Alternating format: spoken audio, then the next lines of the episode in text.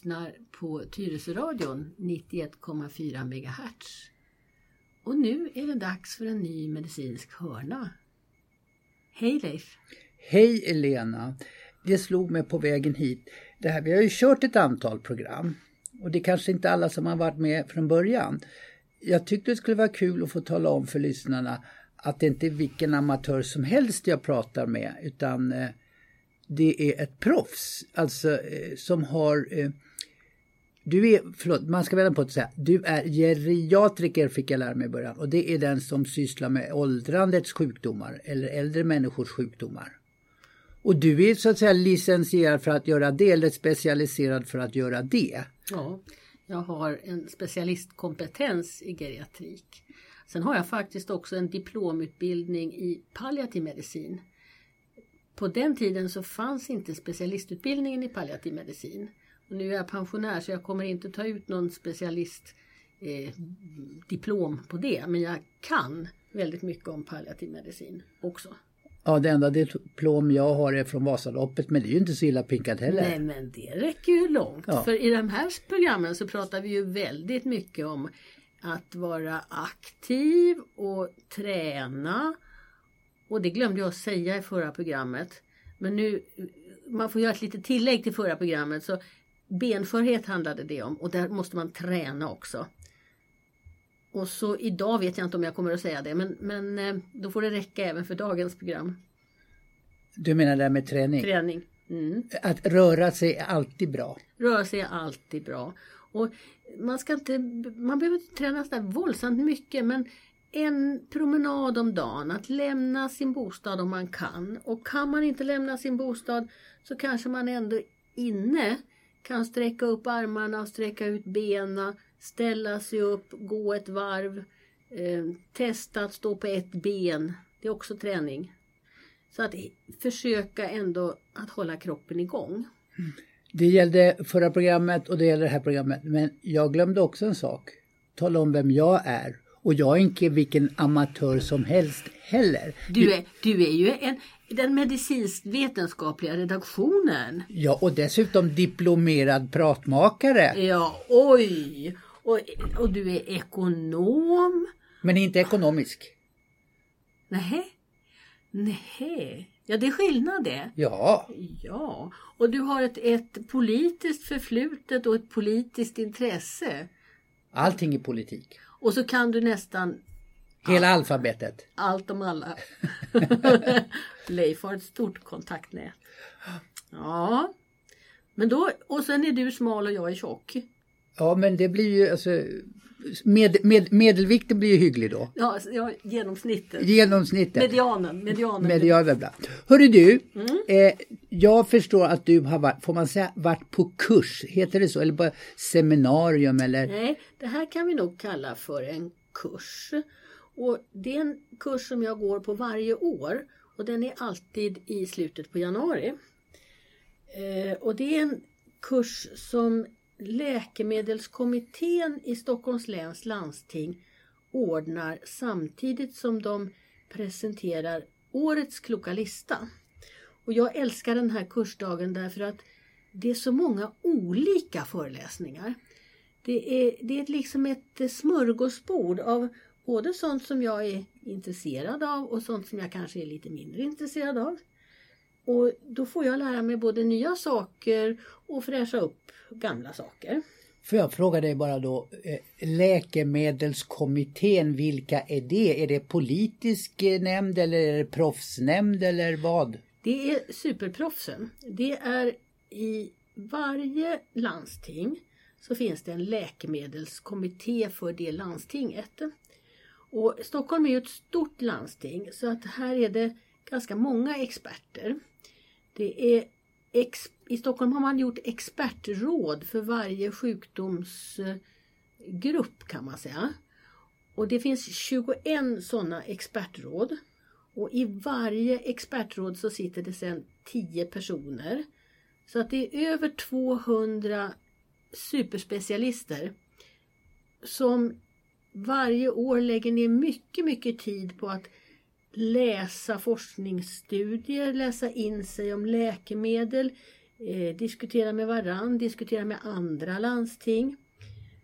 Och en nyhet i år det var att man hade vänt sig till Uppsala och Örebroregionen och mer eller mindre eh, plankat, kopierat en skrift som har funnits ett år där som handlade om läkemedelsbehandling för de mest sjuka äldre. Och eftersom det är mitt område så blev jag ju jätteglad för den nya boken som kom. Får jag bara fråga då, hur väljs de här 210 ut och jag menar, har de något uppdrag från politikerna eller ja, alltså, vad är syftet med dem? Ja, syftet är att de ska vara oberoende. Det ska finnas en information som är oberoende av läkemedelsföretagen. Man ska förse alla som förskriver läkemedel och alla som får läkemedel att det blir jämlikt. Man ska ha det bästa läkemedlet till det som är mest prisvärt. Och de, de här experterna de har alltså kunskap just om farmakologi som det heter, det här med läke, läkemedel. Och det är också väldigt ansedda lite äldre doktorer. Men det är både kliniker och forskare med i de här grupperna. När du säger kliniker då menar du en som praktiskt arbetar på ja, fältet? Och det är en hel del vårdcentralschefer till exempel som är med i de här expertråden. Ibland så finns det också speciella experter inom, för en viss sjuk, eh, specialsakkunniga och de är med i den här läkemedelskommittén. I, poängen är det är oberoende, duktiga människor som jobbar för att man ska ha en de rekommendationer om vilka mediciner som ska användas ska vara så bra som möjligt. Du har ju gett mig nu då e, en sån här, om jag nu säger, gissar, det är ett papper, det är Kloka råd 2016. Men jag ser på den översta punkten där, så står det Ge alltid patienten en aktuell läkemedelslista. Har inte man det? Jag går till apoteket och frågar vad jag har för mediciner att hämta ut. Eh, varje år i, i, när den här kloka listan kommer och den har kommit nu i jag tror att den är inne på 12-13 året. 2002 tror jag var första året den kom faktiskt. Det är 14 år då. Och varje år så har man då fört fram tio punkter som, som kallas för kloka råd. Som, det är saker som man vill det här året lyfta fram. Och det här rådet om att, att ge patienterna en läkemedelslista i handen. Det kom med förra året men då låg det på plats 10 och nu i år så har man flyttat upp det till plats 1.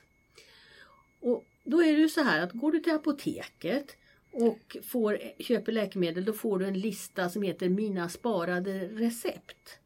Men det är då vad du har kvar som är giltiga recept där du kan köpa ut mera. Det är inte någon lista över eh, vilka mediciner din doktor tycker att du ska ta. Utan det är, bara, det är bara en lista över att det här har jag köpt ut och det här finns det kvar och det här receptet är utgånget. Sen finns det en annan förteckning som eh, du själv och din doktor, om du ger honom tillstånd eller henne tillstånd till det, kan läsa som heter Läkemedelsförteckningen. Där står vilka mediciner du har hämtat ut under de senaste åren. Alltså då kommer det med sådana preparat som, som är utgångna nu från den här Mina sparade recept och som man ser att du kanske använde för två år sedan. Läkemedelsförteckningen den eh, plockar man ibland fram om det kommer in en patient på sjukhus och inte kan tala om vad de använder för mediciner. Då kan man öppna den här förteckningen och så kan man se, jaha men eh, de här medicinerna har vederbörande i alla fall löst ut från apoteket det, det, är ju inte samma sak som man, att de har svalt dem. Men det är i alla fall någon som har tyckt att den här medicinen skulle du ha. Men sen finns då den så kallade läkemedelslistan, medicinlistan. Och den finns i den medicinska journalen. Och det är ju nu alltid en datajournal. Och då kan doktorn med en knapptryckning trycka ut en läkemedelslista som du får i handen när du lämnar din doktor. Och den listan den är viktig att man sparar och att man har med sig till exempel om man är ute och reser. Eller åtminstone att ens anhöriga vet var den finns någonstans. Så att någon kan tala om, ifall du inte själv kan tala om det, att de här medicinerna är jag ordinerad. Får jag fråga, var du klar med läkemedelslistan? Eller vill du? Ja, det finns ett problem till för att göra det lite krångligare. Om man bor på ett äldreboende då får man ibland sina mediciner färdigpackade i påsar för 14 dagar. Och den listan stämmer inte alltid med den listan som kanske de har tillgång till på sjukhuset. Nu börjar sjukhuset förstå att de även ska titta på den här, de som har färdig, det kallas för e-dos, de som har dossystem där man får färdigpackade läkemedel. Och de flesta sjukhusen i Stockholm nu har faktiskt anställt apotekare just för att stämma av och kontrollera de här listorna så att det inte blir något fel i den här datoriseringen. Men det finns några svaga, svaga punkter och det är just det här att man kanske ibland använder en gammal lista som inte längre stämmer. Det finns i alla fall någonting som heter läkemedelslista och får man säga, den aktuella listan ja. som man går på. Så att, alltså, ja. Det jag konsumerar. Och den ska man som doktor signera. Så man ska sätta en liten bock i kanten. Eh, att man har läst igenom den och godkänt de här läkemedlen och att det är de som gäller. Ja. Och det har ingenting med att göra vad man eventuellt har kvar på apoteket. Nej. Utan det, det, är det, det är de läkemedel man för tillfället är ordinerad. Ja. Så, okay. Nu undrar jag bara så här, jag tittar på nästa punkt här då. Där står beräkna och beakta njurfunktionen vid val och dosering av läkemedel. Hur ska jag veta att man har beaktat min njurfunktion? Ja, nu har vi faktiskt hjälp av de här datoriserade journalerna. För att man har infört en, en knapp. Och när doktorn har öppnat din journal och om det finns en notering om vad du väger då kan doktorn trycka på den här knappen och då får man direkt upp om något läkemedel är, har fått för hög dos och måste minska dos på eller om något läkemedel är direkt olämpligt. Det är bra att eh, tala om för doktorn vad man väger och se till att det läggs knappas in i journalen. Och sen så eh, ber du bara doktorn trycka på den här knappen och nu är de jättevitsiga för de kallar den knappen för njuren. Och eh, eh, den är väl synlig i datajournalen.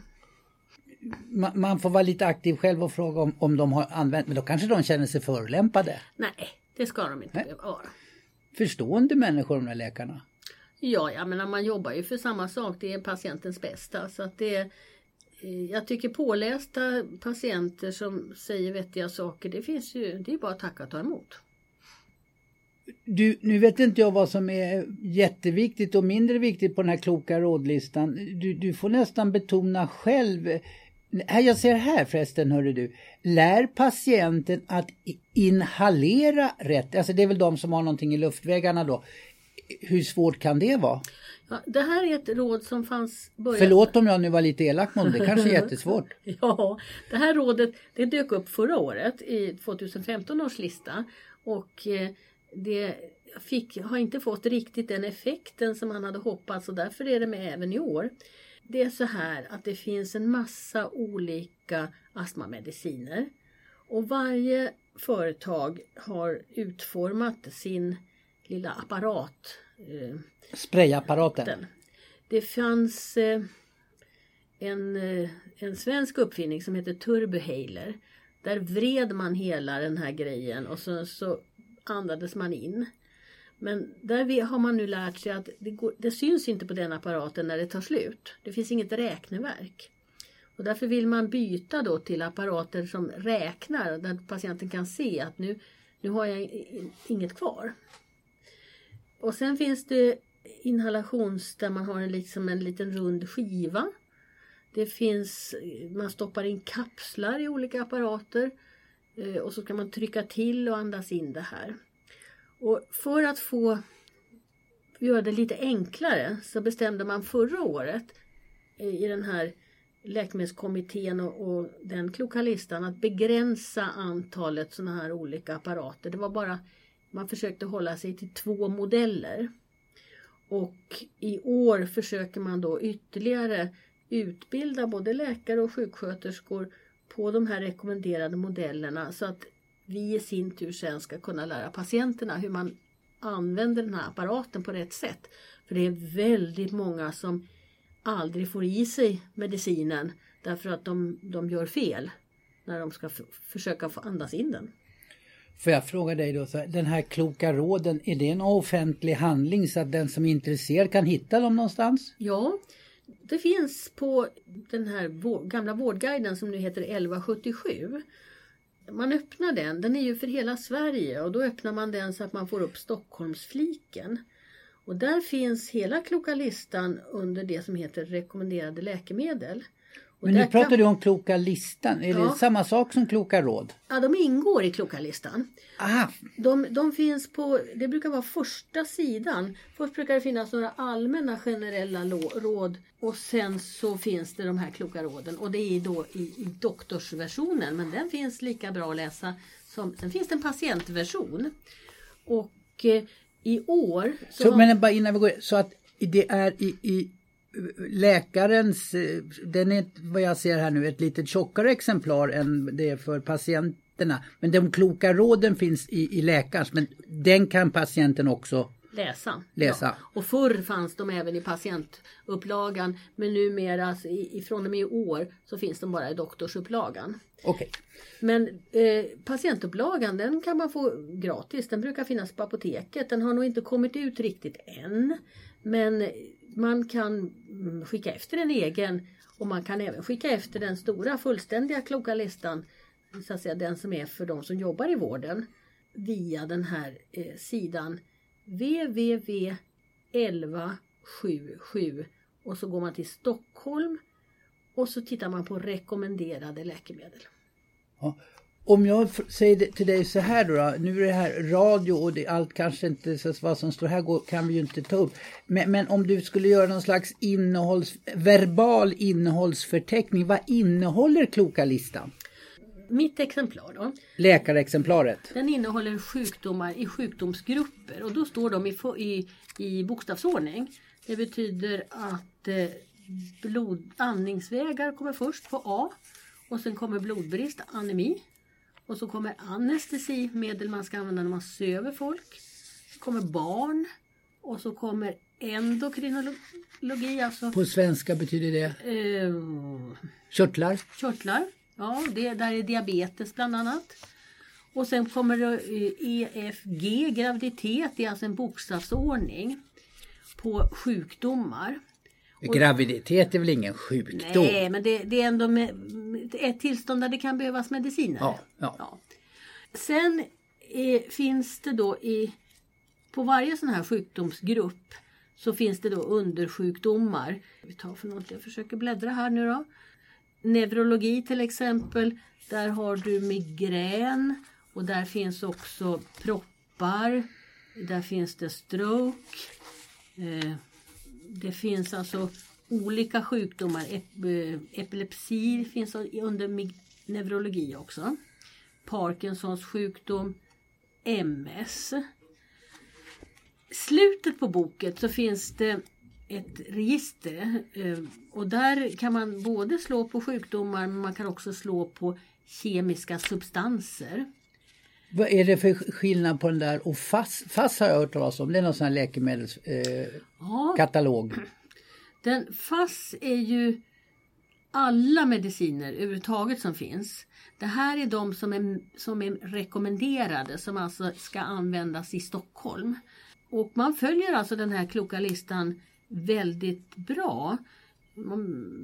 I år så sa man att man tror inte att man kan få, få större följsamhet för det finns ju alltid vissa sjukdomar och vissa personer som måste ha andra mediciner än de som står i kloka listan. Men hur mycket har patienten att säga till om när det gäller mediciner? Alltså jag, om jag läser det här nu och så tycker det där skulle jag vilja prova på. Eh, när det gäller kloka listan då, då får man ju det som står i kloka listan. om man vill ha något annat då får man ibland betala mellanskillnaden själv. Om det tillhör samma grupp. Annars så kan det nog vara så att man får inte man får, får det som står här. Det läkaren förskriver? Ja, och läkaren är skyldig att följa kloka-listan. Kan det där ha någon betydelse då? Om jag nu är, har vunnit på, på, på, jag spelar på hästar så vinner jag en skrälldus pengar. Kan, kan jag själv köpa, alltså gå till apotek och säga jag vill ha den här medicinen men läkaren Alltså kan jag komma över receptbelagd medicin om jag har tillräckligt mycket stålar som inte läkaren förskriver? Ja, om, det finns, om läkaren har förskrivit ett preparat som inte eh, ingår i förmånen och inte på kloka listan men innehåller samma kemiska, eh, används för samma sjukdom. Då kan du köpa ut, eh, men då får du betala ja. vad det kostar och det kostar mycket. Det, det är så här att men det här, förlåt att jag avbryter mm. men innan jag glömmer bort det. Ibland har man ju talat om att man får ett läkemedel av läkaren och sen ger apoteket mig något likartat. Ja, apotek... Kan jag vägra då? Ja, då får du betala mellanskillnaden där. Om det är så att, att du till exempel vill ha en tablett som är lite mindre eh, och lättare att svälja och den som apoteket lämnar ut är lite större. Men då får du betala mellanskillnaden. Fast läkaren har ja. förskrivit? Jaha. Nu, just de fallen brukar inte mellanskillnaden vara så stor. Men om du ska ha ett läkemedel som inte ingår i förmånen. Det, det är ju så här att när det tillverkas ett nytt läkemedel så är det först Läkemedelsverket som ligger i Uppsala som ska godkänna att det får användas i Sverige. Det ska vara säkert och de får lämna in jättemycket dokumentation om det här nya pillret. Sen när det kommer ut på marknaden då får företaget som tillverkar det, de får göra en ansökan om att det ska finnas i förmånen, det vill säga att det ska vara rabatterat. För det ska vi ha klart för oss att vi betalar ju inte alls vad ett läkemedel egentligen kostar, utan vi har ju läkemedel, en läkemedelsförmån. Eh, eh Företaget de kan också välja att försöka sälja det utan att ha det i förmånen. Men det är ganska svårt. Det går ibland på en del sjukhuspreparat som används i, på sjukhusen. Förmånen är ju för det mesta kopplad till patienter som köper sina eller får ut sina läkemedel på apotek. Sen finns det ett statligt verk som heter Tandvårds och läkemedelsförmånsverket och det där är så svårt att säga så att det kallas för TLV. TLV det är de som sätter priset. Och det är de som bestämmer om läkemedel får vara kvar i förmånen eller inte. Så TLV kan plötsligt säga att nej, det här preparatet det är för dyrt, det finns andra som är mycket bättre. Ni får inte vara i förmånen längre. Och det är ju katastrof för det företaget. Det är patent på en medicin i tio år och när patentet går ut då kommer det ju massor med Eh, samma medel tillverkat av andra firmor. Och det gäller ju då att försöka ha patentet så länge det bara går. Och ibland gör man då små förändringar precis innan patentet ska gå ut för att det här inarbetade namnet ska hänga kvar. Ni alla minns nog Losec som var Sveriges stora bidrag. Och eh, Losec finns ju inte längre. Men det finns ju samma preparat fast det då heter kanske Omeprazol istället. TLV har en oerhört stor makt när det gäller vilka läkemedel som, som eh, används i Sverige. Och så kommer det alltså nya revolutionerande medel som ofta är väldigt, har kostat väldigt mycket pengar att, att få fram dem. Och Det kan finnas ett väldigt behov av de här nya läkemedlen. Men då vill man inte att det ska börja bli någon sån där explosion. För då skulle kostnaderna braka iväg. Det, det är fortfarande så att vanliga mediciner kostar relativt lite. Men specialmedicinerna, eller särläkemedlen, det är de som är dyra för landstinget. Och då vill man ha det som kallas för ordnat införande. Det vill säga att alla doktorer får inte förskriva det här utan bara några vissa.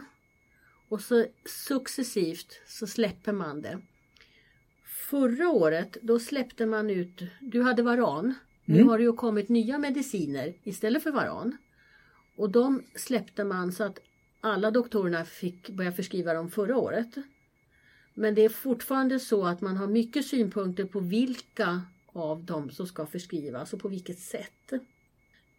De heter Pradaxa, Sarelto och Eliquis. Eh, och där så förra året då fick vi använda alla tre. Men i årets kloka lista så får vi inte längre använda Sarelto. Det som är nytt, annat som nu släpps i år, det är läkemedel mot kronisk hepatit C. Kronisk hepatit C är en ganska obehaglig sjukdom som eh, en del orienterare fick. Människor som har arbetat på laboratorier och kommit i kontakt med blod. Missbrukare. Man kan leva länge med kronisk hepatit C men den finns liksom hela tiden i kroppen. Och nu finns det mediciner som botar hepatit C. Och de har nu börjat släppas ut i ett sånt här ordnat utsläpp. Så att än så länge så är de inte helt frisläppta. Men kanske nästa år så kommer de kunna förskrivas av fler läkare. Det låter lite konstigt här, alla doktorer får inte förskriva alla mediciner men det är ett sätt att ha lite ordning på saker och ting. Men kan man, den här läkaren som får förskriva, kan han gå ut med någon, han säger jag, hen ska man säga numera, kan hen gå ut med någon marknadsföring och säga jag får förskriva det här? Nej, det, så, så gör man inte. Nej, för då, då blev ju allting förfelat i alla fall. Men det finns ju då, det dyker upp i tidningarna ibland att i, i Stockholm så får man inte den här medicinen men man får den minsann i Lund eller Göteborg. Ja. Ordförandena i alla Sveriges läkemedelskommittéer, de träffas för att försöka ändå se att det ska vara en viss likhet över hela Sverige. Det ska inte vara så att man får andra mediciner bara för att man råkar bo på ett annat ställe. Men det, det- var väl för något halvår sedan, jag kan inte exakt, men det var ett litet gossebarn som var allvarligt sjuk och som nekades läkemedel. Det var för dyrt. Alldeles för, för dyrt tyckte då någon gruppering. Ja, och så är det. Det finns mediciner på marknaden som säkert är jättebra men som är för dyra. Det finns människor som åker, tar flyget och åker till andra länder och skaffar sig läkemedel i andra länder. Varför är de billigare där då? Nej, de är inte billigare där men de, de, får går tag f- på, dem, de går att få tag på där. Mm. Ja, så småningom så brukar priset sjunka på alla läkemedel och så småningom brukar nog ändå alla, läke, alla som behöver ett visst läkemedel kunna få det. Men precis när de kommer så är de inte alltid tillgängliga för alla. Nu, vi har ju då det som vi kallar för högkostnadsskydd och det är ju en det ska man också ha klart för sig att det är inte många länder som har sådana här system. Det tillhör ju vår välfärd. Att eh, vi, vi har ett system så att alla ska kunna köpa läkemedel. De man behöver. Och om man börjar med det här att man ska gå till doktorn och betala en vårdavgift. Eller en, en avgift för att besöka en, en vårdcentral. Så kommer man ju upp i det så kallade frikortet. Och det är nu för 2016 det är 1100 kronor. Och då ingår också besök om man går till distriktssköterska eller sjukgymnast så får man då Förr fick man stämplar men från och med i år så registreras det i data. Så vi får ett elektroniskt frikort. Och då kommer, då kommer möjligheten att göra så kallade taktiska val att försvinna. Förut så kunde man ju, om man hade en stämpel, säg nu januari 2016 och så var man frisk ända till december och då kunde man liksom strunta i den där första på 2016 och räkna ifrån när man hade många stämplar. Det kan man inte längre göra. Och det var ju ett sätt att liksom runda systemet lite grann. Sen finns det motsvarande frikort om man behöver eh, så kallade hjälpmedel. Det finns ju människor som kan behöva till exempel blöjor hemma eller eh, andra skydd eller olika tekniska hjälpmedel som man får hyra eller köpa.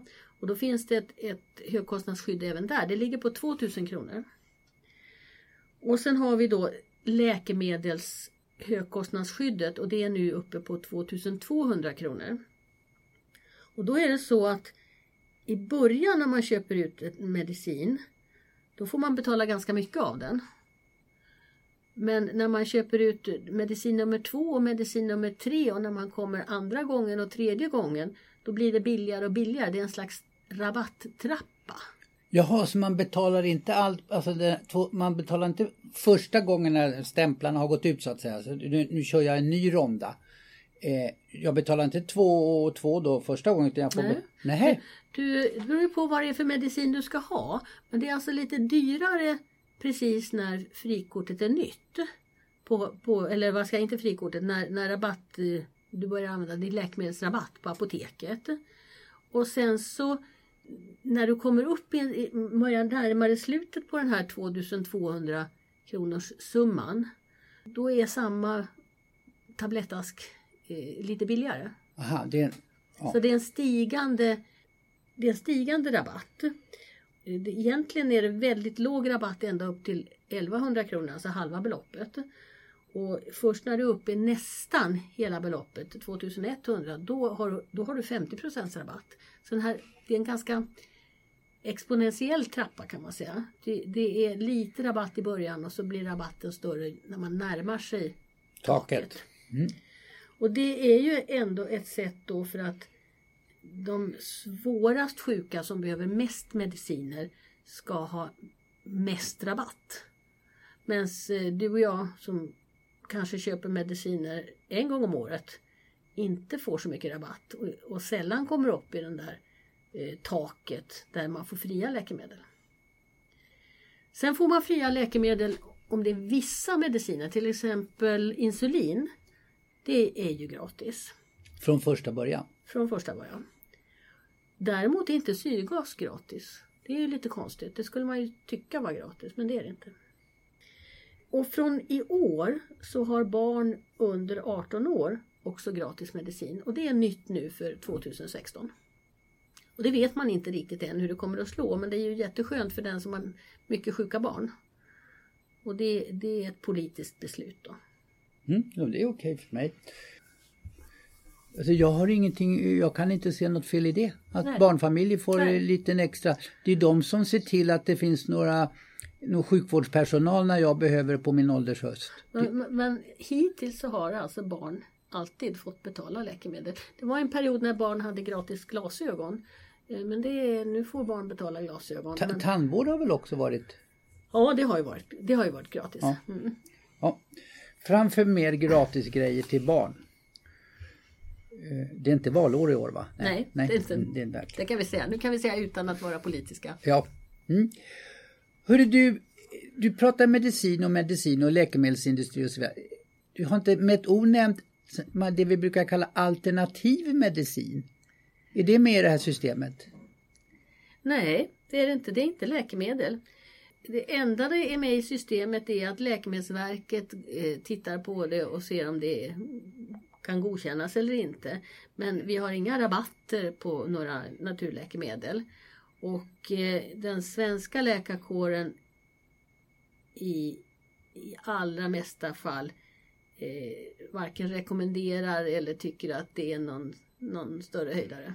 Okej. Okay. Nu har vi pratat ganska länge Leif. Tiden går fort när man har roligt. Ja, och det här var ju varit ett spännande program om mediciner. Ja, men jag vet varför jag tycker det är roligt. Därför vi, vi, vi presenterar ju någonting som kan göra livet lite enklare för några som är lite drabbade. Ja, och vi, det är roligt. Och vi förklarar en del saker som man kanske inte visste om vem som bestämmer vad. Ja. ja. Hemma bestämmer min fru. ja, när det gäller mediciner tror jag det är jag som bestämmer hemma.